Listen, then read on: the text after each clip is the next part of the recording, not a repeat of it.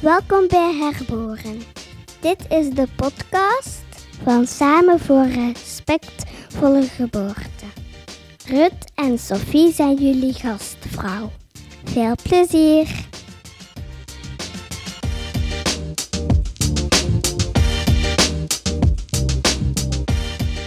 Beste luisteraars, welkom op weer een nieuwe aflevering van Herboren.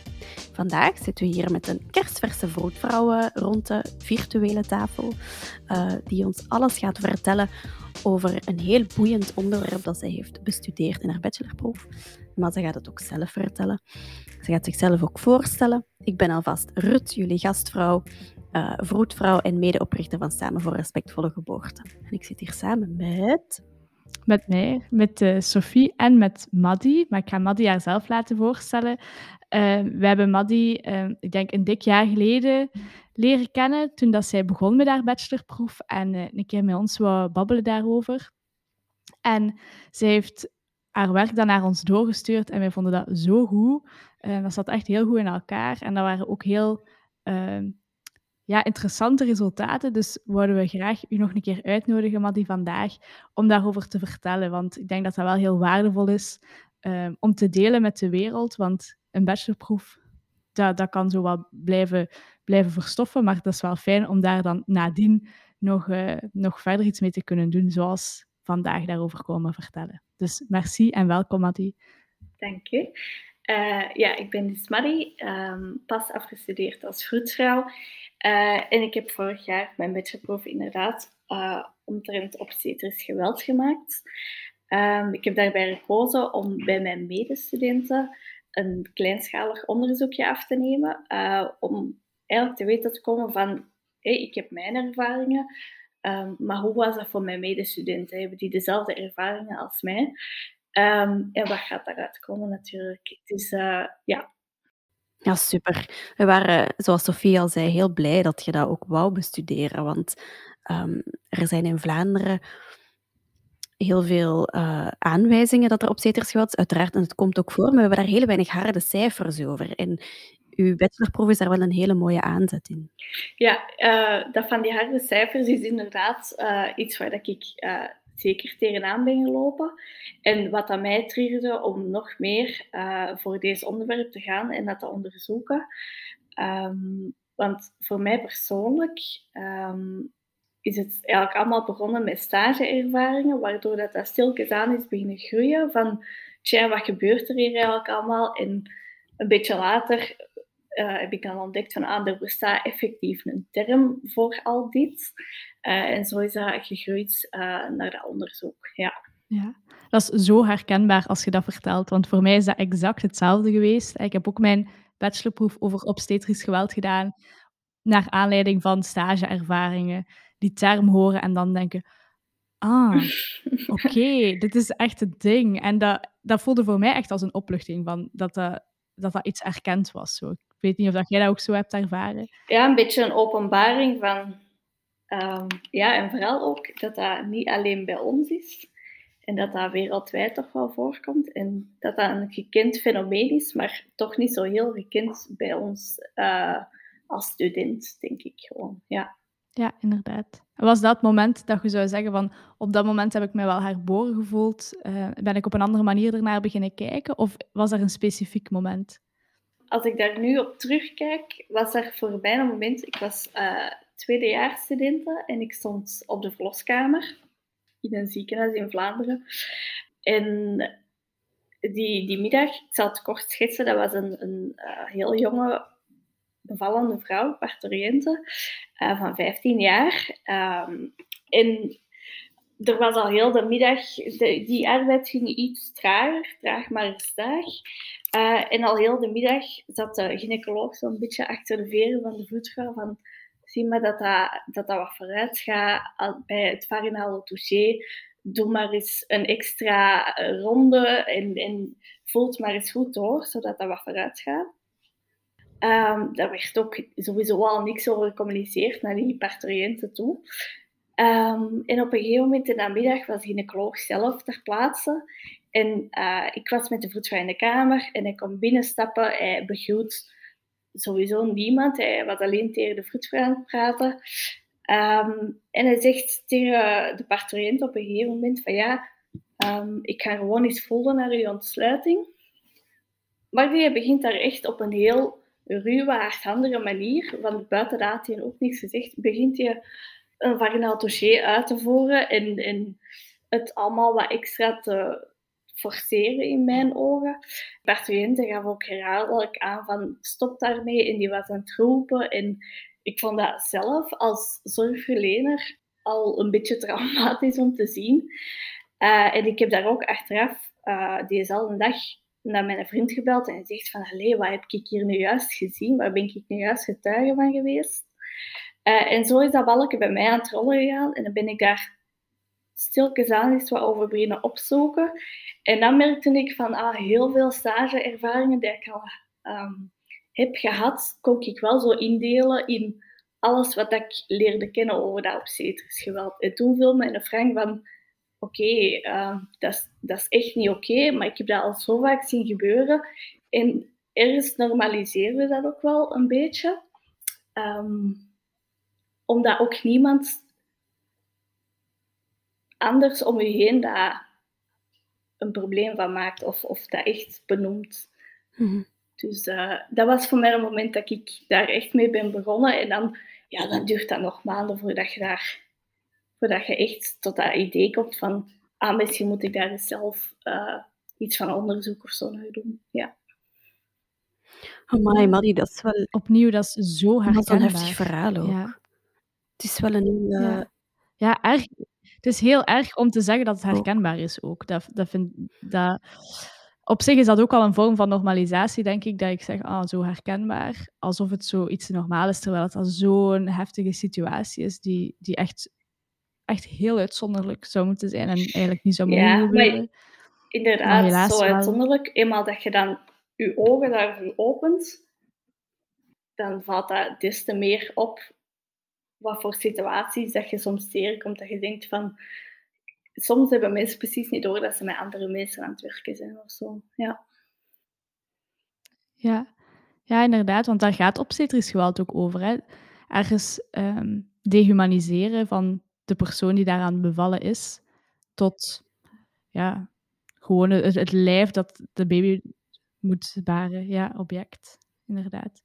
En als je dan zijt gaan bevragen bij je medestudenten, was het dan bij hun ook iets dat zij um, herkende? Is er bij hun dan ook een wrang beginnen vallen? Of hoe is dat dan um, ik heb in mijn onderzoek, eerst heb ik, um, want ik vermoedde al wel dat de kennis, net zoals dat er bij mijn eigen er niet was, dat dat er bij mijn medestudenten ook misschien nog niet volledig ging zijn.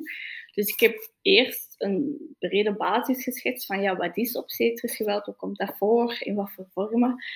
Um, en dan konden ze uh, aangeven van, heb, heb, ik het ooit zelf al gezien? Ben ik er al getuige van geweest?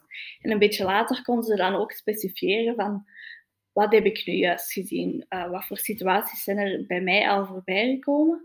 En dan, dat is een van mijn meest verrassende onderzoeksresultaten, vind ik zelf. Um, we 9 op 10 respondenten aan dat ze al getuigen waren geweest van obstetrisch geweld. Um, en dat dat bij de helft daarvan uh, meerdere malen tot zelfs dagelijks voorkwam per stageperiode. En een stageperiode uh, was bij mij ingedeeld op drie weken tijd. Dus um, ehm, 9 op 10, ja, dat is, dat is gigantisch veel. Hè? Dus ik denk dat bij mijn studenten zeker ook wel op dat moment de vraag is gevallen van, ah, dat valt eigenlijk allemaal onder obstetrisch geweld. Um, dus ja. Amai, ja. 9 op 10. Ja. Ja. En dan ook 50% die zegt van... Heel vaak. Heel vaak dat te zien. Ja, ja ik, ik vind ook wel, studenten hebben een hele unieke inkijk hè, in de Vlaamse ziekenhuizen. Wij komen op heel veel plaatsen tijdens onze studentenjaren. En de vergelijking is soms makkelijker te maken tussen ziekenhuizen. Uiteraard is dat maar een kort moment, hè, dus een paar weken. Maar de sfeer heb je vaak zo wel meer en wat, wat daaronder zit en wat dat gangbaar is. En mhm. het is een hele unieke inkijk. En de hiërarchie in een ziekenhuis is, voelt toch van ziekenhuis tot ziekenhuis soms nog anders aan. Ja, uh, absoluut. Want ik heb voor mezelf zeker plekken gehad waar ik van dacht van eigenlijk valt het hier ten opzichte van andere stageplekken dat ik al heb gehad, eigenlijk heel goed mee. Of juist andersom, dat ik dacht van allee, dat is hier dagelijks dat ik dingen zie dat echt niet door de beugel zouden moeten kunnen. Ik herinner mij dat ik eens heb gesproken met een medestudent toen ik dan nog student was, uh, over een, een, stageplaats waar we op dat moment samen stonden. Ja. En ik had zoiets van, oh, het is hier goed. En zij had zoiets, het is hier kei slecht. Omdat Ja. zij kwam van een plek die veel beter was en ik kwam van een plek die nog veel erger was. Dus mijn eerste verloskamerstage had een heel andere indruk achtergelaten dan de hare. Ja, Dat vond ik ook wel een hele boeiende. Zo van, die eerste ervaring is ook wel heel bepalend voor ons als, als toekomstig vroedvrouwen. ja, ja, dat is inderdaad. En dat, is, dat gaat ook over die normalisering, denk ik. Van, ah, oké, het is blijkbaar hoe het gaat. En, ah ja, oké. Ja. Maar dat is niet oké. Zijn er nog veel ehm, studenten die ook naar u toegekomen naar aanleiding van uw onderzoek? Of heb je daardoor nog meer verhalen van hun gehoord? Ja, dat zeker wel. Ehm, en er zijn ook heel veel studenten die achteraf nog een berichtje sturen gewoon van amai, eigenlijk is dat hoe dat je deze onderzoek doet. En dat wij hier eens ehm, ja, bewust mee omgaan, zeg maar. Dus dat ze zelf eens de kans hadden om te reflecteren over hun eigen ervaringen en om dat ook mee te geven. Ehm, en sowieso, ik denk dat je dat zelf ook wel weet, als je zo met een medestudent aan het praten bent over je stageervaringen, ja, daar komt heel veel naar boven. Hè. Allee, jij vertelt een verhaal, wat dat je hebt meegemaakt, en dan, dan komen al die verhalen zo. Hè. Dus ja, dat heeft zeker wel Mhm. aanleiding gegeven om daar meer over te praten. Ehm, en dat is, ook wel, dat is ook wel goed, denk ik. Ja, absoluut. Ik krijg al kippenvel als ik dat hoor, dat mensen zeggen van ja, het is wel fijn dat we de kans hebben gehad om daarover te reflecteren. Want dan denk ik ook direct aan mijn eigen periode als student, dat je bijvoorbeeld in je reflectieverslagen en zo, is het ook helemaal niet evident om daar dan over te gaan reflecteren. Omdat je ehm, ja, ook beoordeeld wordt natuurlijk door, door de collega's op je stageplaats. Hè. Ja, en dat is een moeilijk evenwicht eigenlijk. Hè. Ehm, want allee, dat, dat heb ik ook heel vaak ervaren. Dat als ik dan over mijn eigen acties aan het reflecteren was, ehm, heb ik zeker ook al obstetrisch geweld gepleegd. En heel vaak wordt dat aangezet door, allee, door, door er sowieso te weinig bij stil te staan en, en er niet bewust mee om te gaan.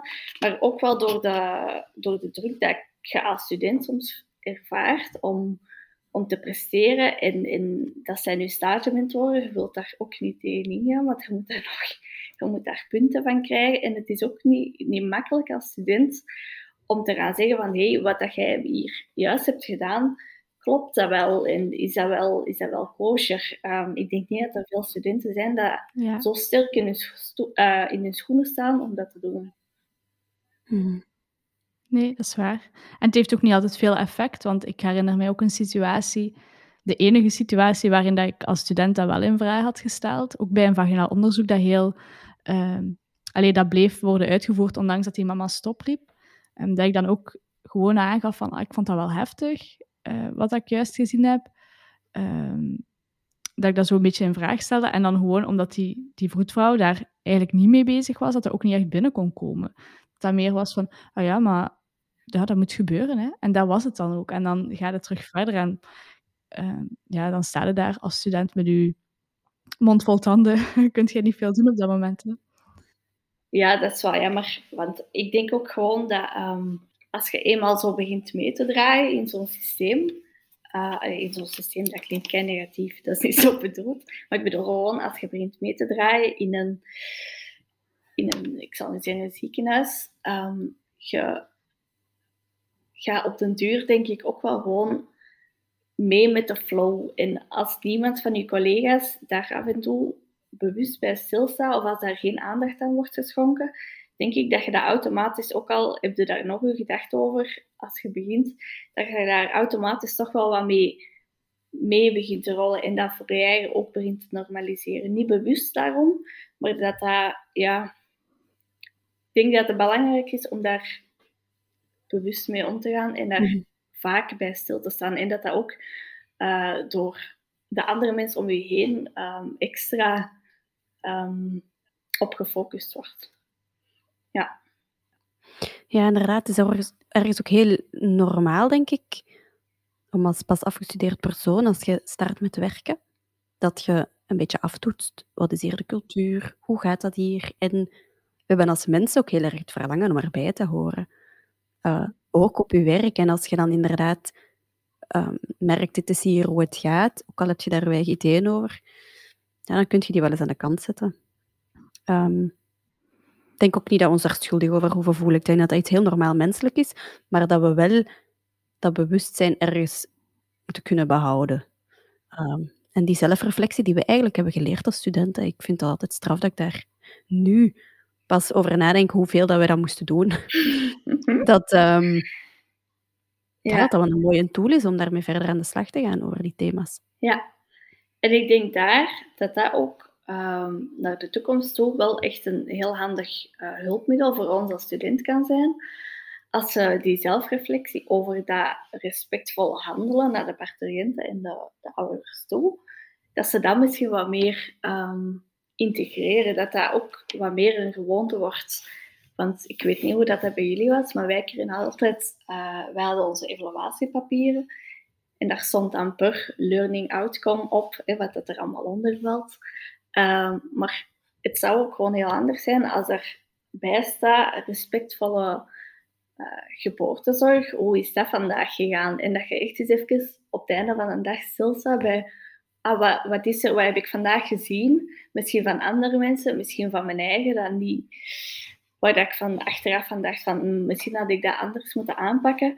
Um, ik denk als mensen daar al um, als student aangeleerd wordt om daar bewuster mee om te gaan, dan zou dat toch ook wel op latere uh, dingen een impact hopelijk moeten hebben. Hè?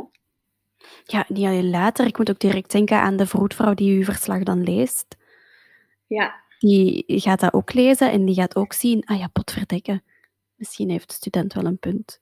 Ofwel denkt hij, uh, nee, dat is niet waar. Kan ook, wat dat echt, allez, wat ik ook wel snap. Um, maar ik denk dat dat ook op dat moment iets teweeg kan brengen, dat je een gesprek daarmee kunt openen. Ja, en dat, is ook, dat was ook een van de uh, vragen in mijn onderzoek. Um, wel niet uitgebreid genoeg, maar dan moest ik zo wat in schipperen. Um, of dat de studenten de kans hadden gehad om dat met iemand te bespreken. Um, en meestal werd het met de medestudenten of, of leeftijdsgenoten besproken. Um, en heel weinig studenten gaven maar aan dat ze dat met de vroedvrouw op dienst konden bespreken. En dat is eigenlijk, ja, dat zou heel mooi zijn mocht dat wel, uh, mocht dat wel gewoon kunnen. Hè?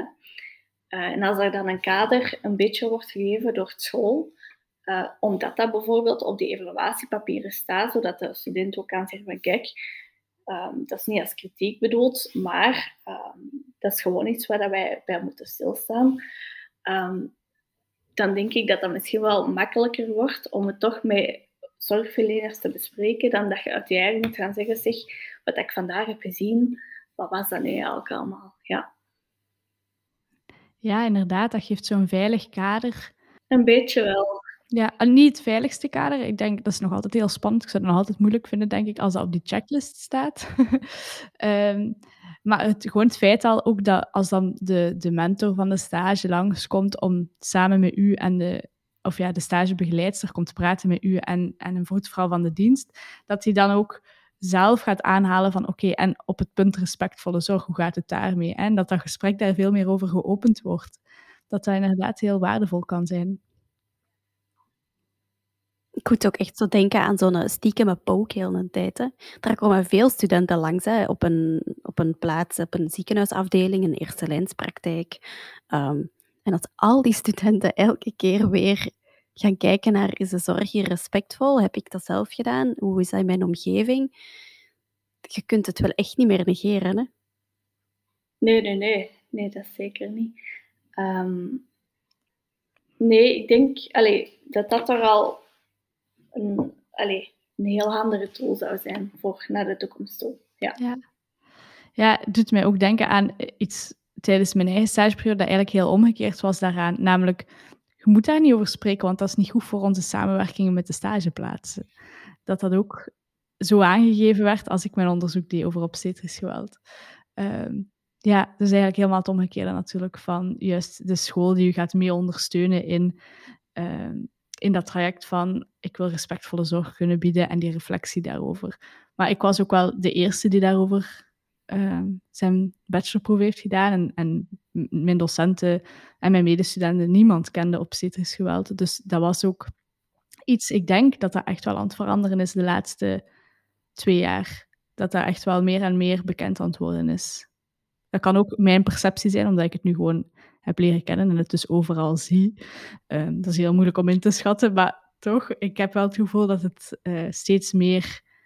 Uh, ja, en op zich, uh, want bijvoorbeeld mijn bachelorproef heb ik het ook gehad over de BRAINS-methode. Mm um, die dat zowel voor de parturiënten als voor ons als zorgverlener heel handig is om toch eens stil te staan bij de zorg dat we geven. Um, en bij mij, ik heb dat in mijn eerste jaar, toen zat ik um, nog op de Hogeschool in Antwerpen, heb ik dat via mijn opleiding leren kennen. En ik weet dat ik toen al dacht van, ah, dat is, dat is iets dat algemeen bekend is. Uh, elke vroedvrouw weet dat, kent dat, past dat toe. Um, en, en dan kwam ik, ben ik overgeschakeld ook van uh, hogeschool. En dat was daar, ja, dat, daar was dat gewoon nog niet um, meegegeven aan de leerlingen. Uh, en dan dacht ik van, tja. En dan heb ik dat ook bij mijn, mijn bachelorproef bevraagd. Van, ja, kennen jullie dat? En wat denken jullie daarvan? Denken jullie dat het zinvol is? Um, en maar vier uh, respondenten van de, uh, van de 49 gaven aan dat ze daar al iets hadden voorbij weten komen. Maar uh, bijna 9 op 10 mensen gaf wel aan van, ah, dat is, dat is echt een, een goede tool wel om mee aan de slag te gaan. Misschien even verduidelijken wat de tool precies is voor misschien de, uh, het deel van onze luisteraars dat er nog niet mee bekend is. Ja, uh, dus de brainsmethode. Ik kan wel even... Even spieken, dat mag. De juiste afkorting, ja. Ik ga die van uh, Le Coeur à Maribas pakken. Absoluut. Inderdaad, zo, die van Le Coeur à Maribas van Noémie is zeker de mooiste. Hè. Ja, Zij is ook uh, even een, een, ehm, een pluim voor Noémie nog in deze aflevering. en ook even een pluim tussendoor voor uh, de hogeschool in Antwerpen, want wij horen daar wel hele goede dingen van altijd. En wij zijn daar zelf ook al uh, zowel aan werkveld als aan studenten bijscholingen gaan geven. En die zijn daar echt mee bezig. Um, dus dat is altijd zo mooi om te zien.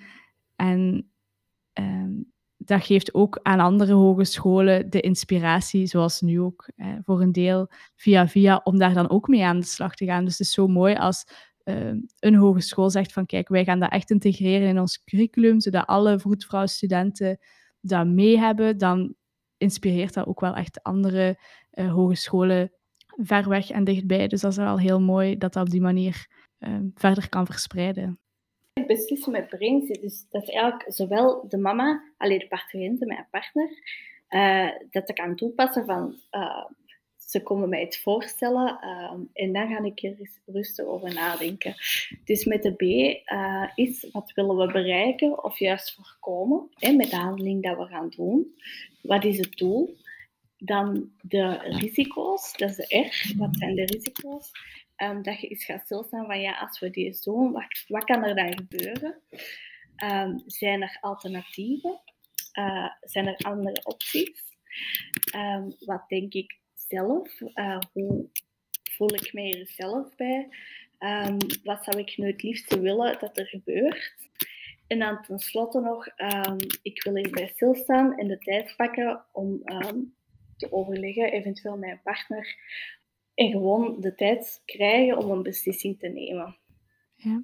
En dat kan dus ook door als zorgverlener uh, in uw hoofd gewoon dat lijstje af te gaan van ik ga hier een handeling doen, al dan niet opgelegd door iemand anders. Um, om dat gewoon eens stap per stap af te gaan en te denken van, is dit zinvol, is dit echt nodig en hoe pak ik deze het mhm. beste aan? Ja. ja. En door die vragen te gaan uh, overlopen en bespreken met de ouders aan wie dat je het voorstelt, gaat je ook um, de informatie geven die nodig is voor een geïnformeerde keuze te kunnen maken. Dus dat is daar inderdaad ook wel een hele belangrijke in. Ja, sowieso is dat een, een, een recht, een patiëntenrecht, om dat te kunnen doen. Maar dat is ook iets wat dat denk ik vaak over het hoofd wordt gezien of, of er snel tussenuit schiet. Dus die brainsmethode gaat er, denk ik, als je dat echt consequent toepast, gaat dat er wel voor zorgen dat je dat patiëntenrecht automatisch ook veel beter mhm. respecteert gewoon en toepast. Nu we het toch over patiëntenrechten hebben, Mandy. Jij bent tegenwoordig zelf ook een soort van patiënt, hè? Want uh, je zei het over uw, uh, over uw bachelorproef en ik vind het super boeiend, maar ondertussen word je zelf ook mama. Ja, ja, inderdaad. En ik vraag me ook af hoe dat, hetgene wat je hebt onderzocht en ontdekt, hoe dat voor u nu is. Of dat een invloed heeft, of dat geen invloed heeft. Of dat... Uh, dat heeft toch echt wel invloed gehad op mijn keuze van het zorgtraject. Um, ik heb er heel bewust voor gekozen om uh, met de zelfstandige de opvolging en de begeleiding te doen. Um, en dat is ja, een beetje omdat ik misschien ook zelf vroedvrouw ben, omdat ik dat fijn vind om bij mede begeleid te worden. Maar dat is ook wel gekomen door, um, want bijvoorbeeld, ik wil graag, als alles gaat zoals ik het hoop, zou ik graag uh, in het ziekenhuis bevallen, wel, maar met de vroedvrouw, dus zonder um, artsen, uh, ziekenhuispersoneel. Um, en dat is wel gekomen, ook wel een beetje door wat ik allemaal gezien heb op stage. En vanuit die dingen van ja, mij gaan ze hier hopelijk niet hebben met, um, met beslissingen boven mijn hoofd te nemen. En, um, en ik weet gewoon, als ik een zelfstandige voetvrouw heb, waar dat ik ook nu een goede klik mee heb, um, dat die mij wel gaan respecteren en, en ja, dat is zo van die extreme situaties, zoals dat je soms ziet op stage, dat dat hopelijk niet gaat gebeuren. Dus dat heeft zeker wel, allez, mijn stageervaringen hebben zeker wel invloed gehad. In dat onderzoek op hoe dat ik nu kies voor allez, mijn zorgpad. Ja. Ja, interessant. Ik denk inderdaad wat dat je aanhaalt daarbij ook is zo belangrijk. Hè? Dat je, jij kunt daar een klik mee opbouwen of um, een vertrouwensband mee opbouwen met je zelfstandige vroedvrouwen.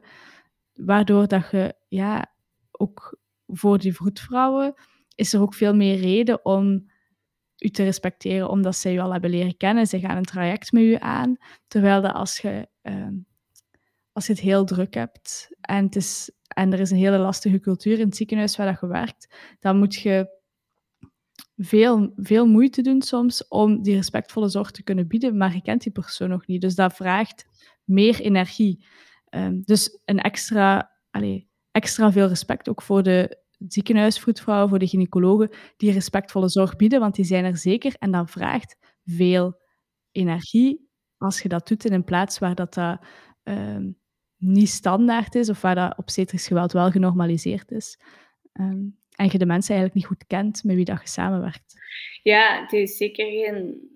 Het is niet dat ik hier aan het pleiten ben van iedereen moet zich laten opvolgen door een zelfstandige vroedvrouw. Je moet doen waar dat je je veilig bij voelt en het beste bij voelt. Um, maar het is, ja, voor mij persoonlijk heeft dat wel um, invloed gehad. Ja. Mm. Ah, wel, ik vind het heel herkenbaar wat je zegt. Ik uh, heb mijn eerste jaar vroedkunde gestudeerd voor ik mama werd. En dan afgemaakt nadat ik mama werd. Met heel veel jaren tussen trouwens, maar dat is een detail. Maar ik weet wel dat toen ik dan zwanger was van mijn eerste, ik heel graag naar een zelfstandig vroedvrouw wilde. En ik denk eigenlijk om de reden die je net beschrijft, alleen was ik me daar toen niet zo bewust van. Ja, ja. Um, om inderdaad ergens wel die vertrouwensband te hebben en in mijn onderbewustzijn dan meer garantie tussen aanhalingstekens op respectvolle zorg of garantie op het niet tegenkomen van obstetrisch geweld. Ja, ja wel. ik denk dat dat heel mooi verwoord is. ja, inderdaad. Ja, en onderzoek bevestigt dat ook. Hè? Allee, omdat we, het kan nu klinken, we zijn hier drie vroedvrouwen bij elkaar uh, die reclame maken voor de vroedvrouwen. Maar uiteraard. Uh, en natuurlijk uh, zijn we ook biased. Ja. Maar onderzoek bevestigt ja. ook wel dat continuïteit van zorg, dus je zorgverlener echt kunnen leren kennen en die zorgverlener dan bij je bevalling hebben, dat dat dat dat de beste uh, outcomes geeft, zowel qua veiligheid, maar ook emotioneel. Ehm, om daar dan op terug te kijken. Dus dat is niet puur uh, onze mening, maar dat is ook echt wel heel sterk bevestigd, al lang eigenlijk, door heel veel onderzoek. Dus, ja. um, maar Maddy, dank u voor de suggesties die je al gedaan hebt. Zowel voor de vroedvrouw, studenten uh, en de opleiding, als voor ook ouders. Hè. Die BRAINS-methode is wel echt een hele mooie om te kunnen meenemen. Uh, en ook voor zorgverleners om dat zelf spontaan te gaan, uh, gaan overlopen elke keer natuurlijk. Dus dat zijn wel hele mooie dingen. En ook inderdaad een zorgverlener kiezen als je dat kunt, waarmee dat je een vertrouwensband kunt opbouwen, is ook een hele mooie manier um, om zo respectvol mogelijk te kunnen worden opgevolgd tijdens je zwangerschap en bevalling. Wilt je daar nog iets aan toevoegen? Het is al een mooi lijstje hoor, daar niet oh, Ja, het is inderdaad al uh, een goed lijstje. Nee, gewoon um, dat, dat ik denk dat het wel belangrijk is dat deze um, verder gaat zoals het nu al het gaan is. Dus dat er meer en meer over bekend uh, wordt en dat de, dat de opleiding zelf ook uh, dat misschien toch wel meer in hun curriculum moeten gaan. Maar allee, nou wat ik hoor, is dat stilkens dan ook wel bezig. Um, maar dat dat wel belangrijk is om echt vanaf het begin al dat mee te geven en, en die studenten daarmee op te leiden. Ja.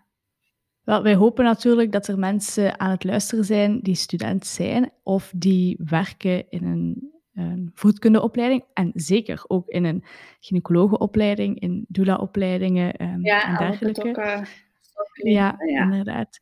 En die mogen ook zeker contact met ons opnemen um, rond dat thema. Hè, want wij geven workshops en bijscholingen aan studenten. Um, en we gaan dat sowieso, bij AB mogen we dat nu elk jaar doen normaal gezien, zodanig dat alle studenten dat meekrijgen, want dat is wel belangrijke informatie. Um, en we willen dat zeker bij andere hogescholen ook gaan doen. Hè. Het is echt informatie die iedereen moet meekrijgen. En als je dat als student meekrijgt, dan gaat je die normalisatie voor een deel ook tegen. Dat helpt je ook wel om daar bewuster in te staan. Ja, ja. Absoluut. Merci voor uw tijd. Ja. Merci voor al uw suggesties. Merci voor het werk dat je hebt gedaan. Ik wil je ook nog heel veel succes wensen de komende tijd. met nieuwe avonturen dat u te wachten staat. Um, nee, merci ook aan jullie om, uh, om weer aandacht aan te besteden. Ik ben daar heel blij mee dat jullie er, uh, dat jullie er zijn. Ja, samen hè? Ja, samen, met, exact, uh, helemaal. Met alle mensen die ermee bezig zijn, dus inderdaad. En bedankt ook aan de luisteraars die ook um, op grote en kleine manieren toch samen voor respectvolle geboortezorg gaan. Door daar uh, meer bewust aan te denken en mee bezig te zijn en over te praten. En je mag daar zeker ook altijd met ons nog contact over opnemen als je naar aanleiding van vandaag nog aan, uh, aan bepaalde dingen denkt, bepaalde ervaringen met ons wilt delen of bepaalde suggesties misschien ook hebt. Dan mocht je dat zeker laten weten. Merci.